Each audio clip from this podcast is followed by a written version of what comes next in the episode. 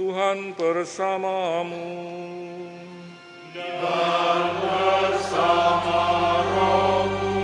Inilah Injil Yesus Kristus menurut Santo Matius.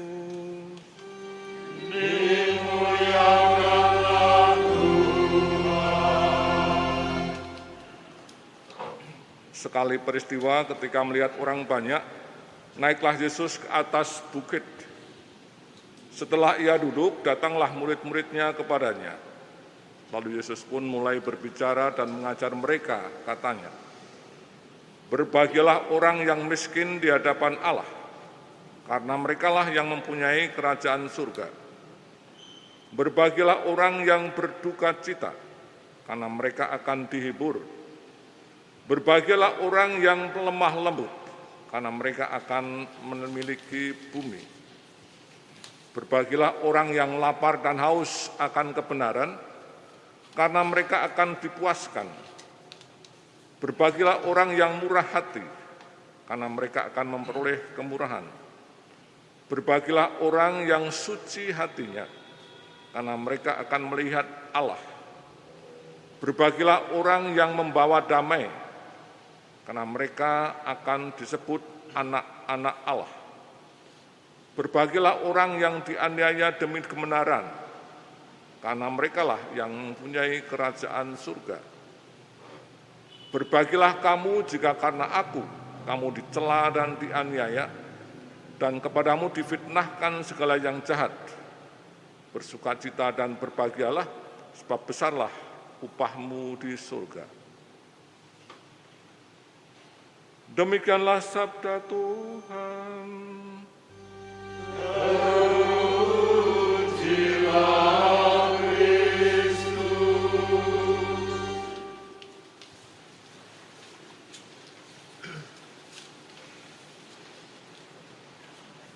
Saudara sekalian yang terkasih dalam Tuhan,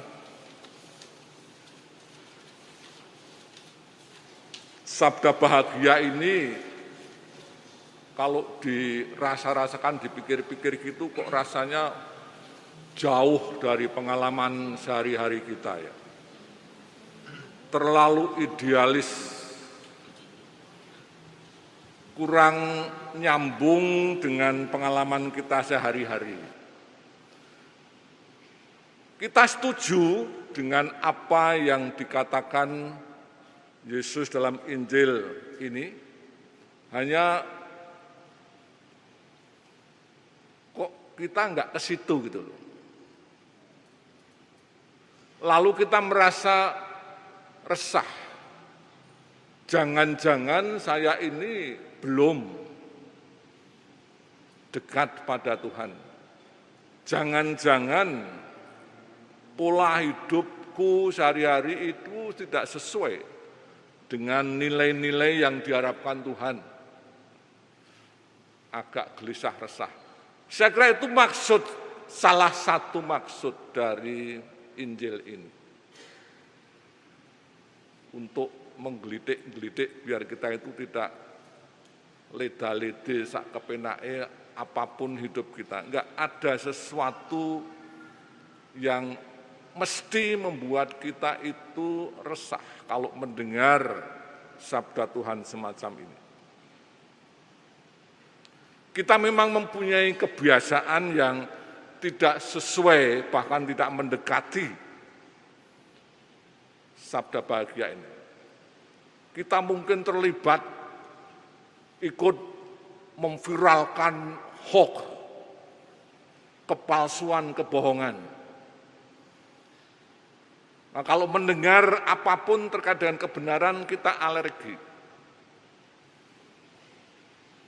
Lidah kita terlalu kita manjakan. Kesedikit ada rasa yang tidak cocok dengan lidah, kita sudah merasakan bahwa hidup ini tidak nyaman. Kita terbiasa dengan bersaing untuk mendapatkan barang yang terbaik kalau perlu dengan harga yang termurah. Dan tidak biasa untuk bermurah hati berbagi. Sehingga kalau mendengar kata-kata untuk mengasihi berbagi seolah-olah itu bukan cara hidup kita. Kita alergi dengan apa pun yang berbau miskin. Yesus mengatakan, berbagilah orang miskin. Mungkin sebelum kita berbicara lebih jauh mengenai hal-hal ini, kita mungkin perlu sedikit hening ngilo gitu ya. Ngilo di kaca yang gede itu kue iki sopo gitu, tanyok takon gitu. Identitasku sebagai manusia iki sopo gitu martabatku sebagai manusia itu bagaimana dan ukurannya apa kalau martabat itu tumbuh atau turun. Kalau kita masih ingatkan kita itu selemah, sejelek, segendut apa pun kita ini citra Allah. Artinya sejelek-jeleknya pribadi manusia siapa pun itu, dia itu mempunyai sifat-sifat ilahi yang ada dalam dirinya. Dan kalau sifat-sifat ilahi ini dikelola dengan baik, itulah yang akan mengantar orang kepada keselamatan, kebahagiaan, dan seterusnya. Sebaliknya kalau tidak dikelola dengan baik, citra Allah itu, sifat ilahi itu bisa kabur bahkan hilang.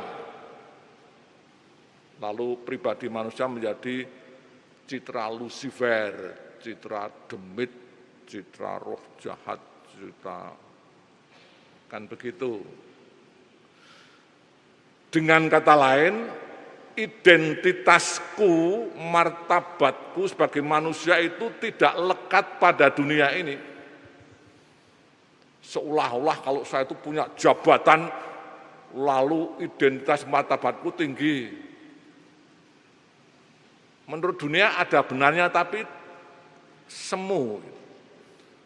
Seolah-olah semakin saya punya fasilitas, punya mobil mahal, rumah gede, bojone lurus tengah gitu, punya martabat, identitas. Itukah pribadi manusia yang ingin kita raih? Juga bukan. Semakin kita dikenal banyak orang, apakah itu membuat identitas dan martabatku naik? Kita boleh bertanya. Kalau kita mengikuti apa yang diajarkan Yesus, identitas dan martabat kita itu lekat pada Tuhan Bukan Allah yang ada jauh di sana, tapi Allah yang hadir, Allah yang berkarya, Allah yang menyertai, Allah yang terus-menerus mencipta. Kesatuan dengan Allah inilah yang akan membuat martabat kita sebagai manusia tumbuh, identitas kita jelas. Sabda bahagia itu membantu kita untuk menumbuhkan martabat ini. Untuk memperjelas identitas ini. Memang kita sebagai pribadi kita butuh makan, minum, tidur, ya. Tetapi pengalaman kita juga menunjukkan bahwa kita terlalu banyak memperhatikan itu dan lupa bahwa pribadi kita sebagai citra Allah itu perlu latihan mengampuni, latihan mengasihi, latihan berbagi, latihan jujur, latihan rendah hati. Karena jarang dilatih maka sabda tadi terasa rodo-rodo enggak akrab di telinga. Tetapi kita tidak bisa menolak kebenarannya bahwa itulah yang sebenarnya mesti kita arah kalau kita ingin menumbuhkan martabat kita, identitas kita sebagai pribadi manusia.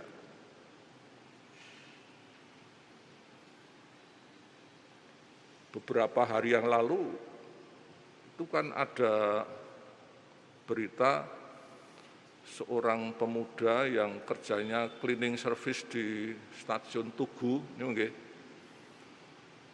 sedang membersihkan lantai entah apa, lalu menemukan tas cangklong. Dia tidak membuka tapi langsung dibawa begitu saja kepada pihak security keamanan.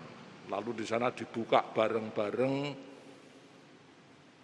isinya duit 44 juta kalau nggak salah segitu ya.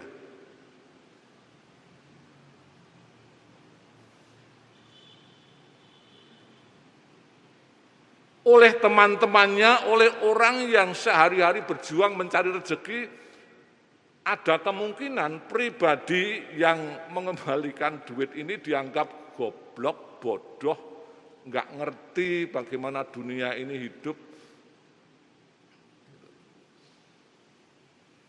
Tapi ketika dia ditanya, kenapa tidak dibuka? Itu bukan tas, bukan barang saya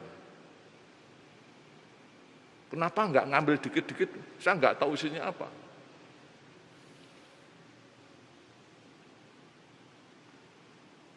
Kita lalu bertanya, siapakah orang yang berbahagia?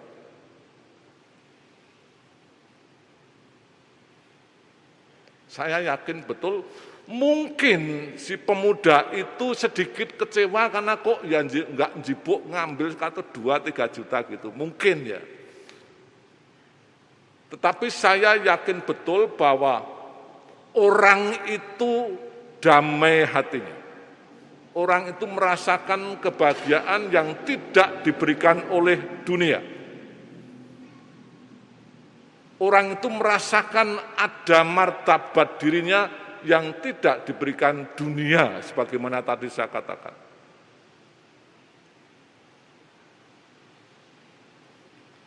Pengalaman-pengalaman kecil yang kadang-kadang saya buat itu kalau habis parkir itu minta parkir 2.000, 3.000 gitu, kadang-kadang saya kasihkan 5.000, ya sudahlah. Bukannya sok, tapi saya membayangkan juru parkir ini kerja keras, kudanan, kepanasan, ya kalau kadang-kadang nambah 2.000 ya enggak apa-apa tidak ada rasa sesal. Bahkan saya beberapa kali mengalami tidak membayar Pak Ogah waktu menolong mobil itu muter, rasa salah. Kok mengulung ke duit rong aja kok ngganti ngopo, buka cendela nggak mau kok ya. Resah.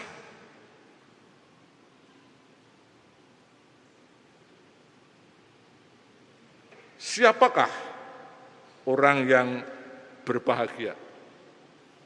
Tapi Yesus sudah mengatakan dengan jelas. Tentu kebanyakan orang akan mengatakan ya orang yang berbahagia biasanya itu lekat dengan fasilitas yang lengkap, kenyamanan hidup, pekerjaan yang mapan, penghasilan yang tetap,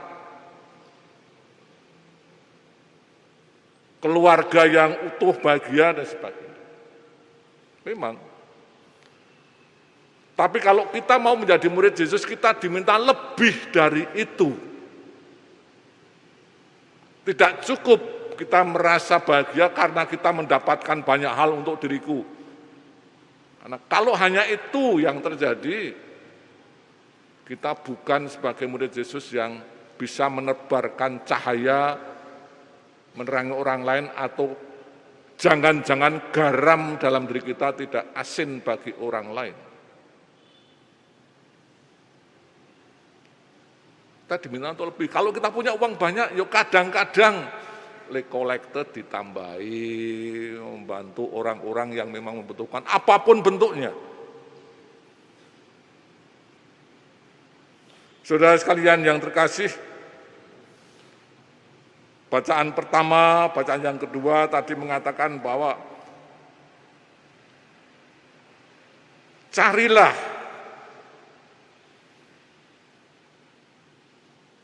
bacaan yang pertama tadi. Carilah Tuhan, carilah keadilan. Dalam Injil, carilah kerajaan Allah lebih dulu, yang lain-lain ditambahkan. Kalau kita sungguh memperjuangkan kejujuran, keadilan, persaudaraan dan sebagainya, lalu kita akan mendapatkan itu ada persaudaraan. Apa yang kita miliki itu mendatangkan damai, mendatangkan kegembiraan, mendatangkan kejelasan akan martabat hidup kita. Yesus tidak mengagungkan kemiskinan, tidak pernah, bahkan kemiskinan mesti diatasi dengan berbuat kasih. Yesus tidak mencela orang miskin, tidak pernah. Tapi orang yang sibuk dengan dirinya dan dengan harta miliknya sampai lupa bahwa dia itu perlu memperhatikan sesamanya, itulah yang bisa merendahkan martabatnya. Maka sabda bahagia untuk kita adalah program Yesus untuk mengembalikan kita semua pada martabat gambar Allah yang benar. Maka malah kita mohon bersama-sama, mohon kepada Tuhan supaya kita diberi keberanian, kemampuan untuk membuat kita lebih dari sekedar pribadi yang biasa, pribadi yang ala kadarnya. Dimuliakanlah Tuhan kini dan sepanjang masa. Amin.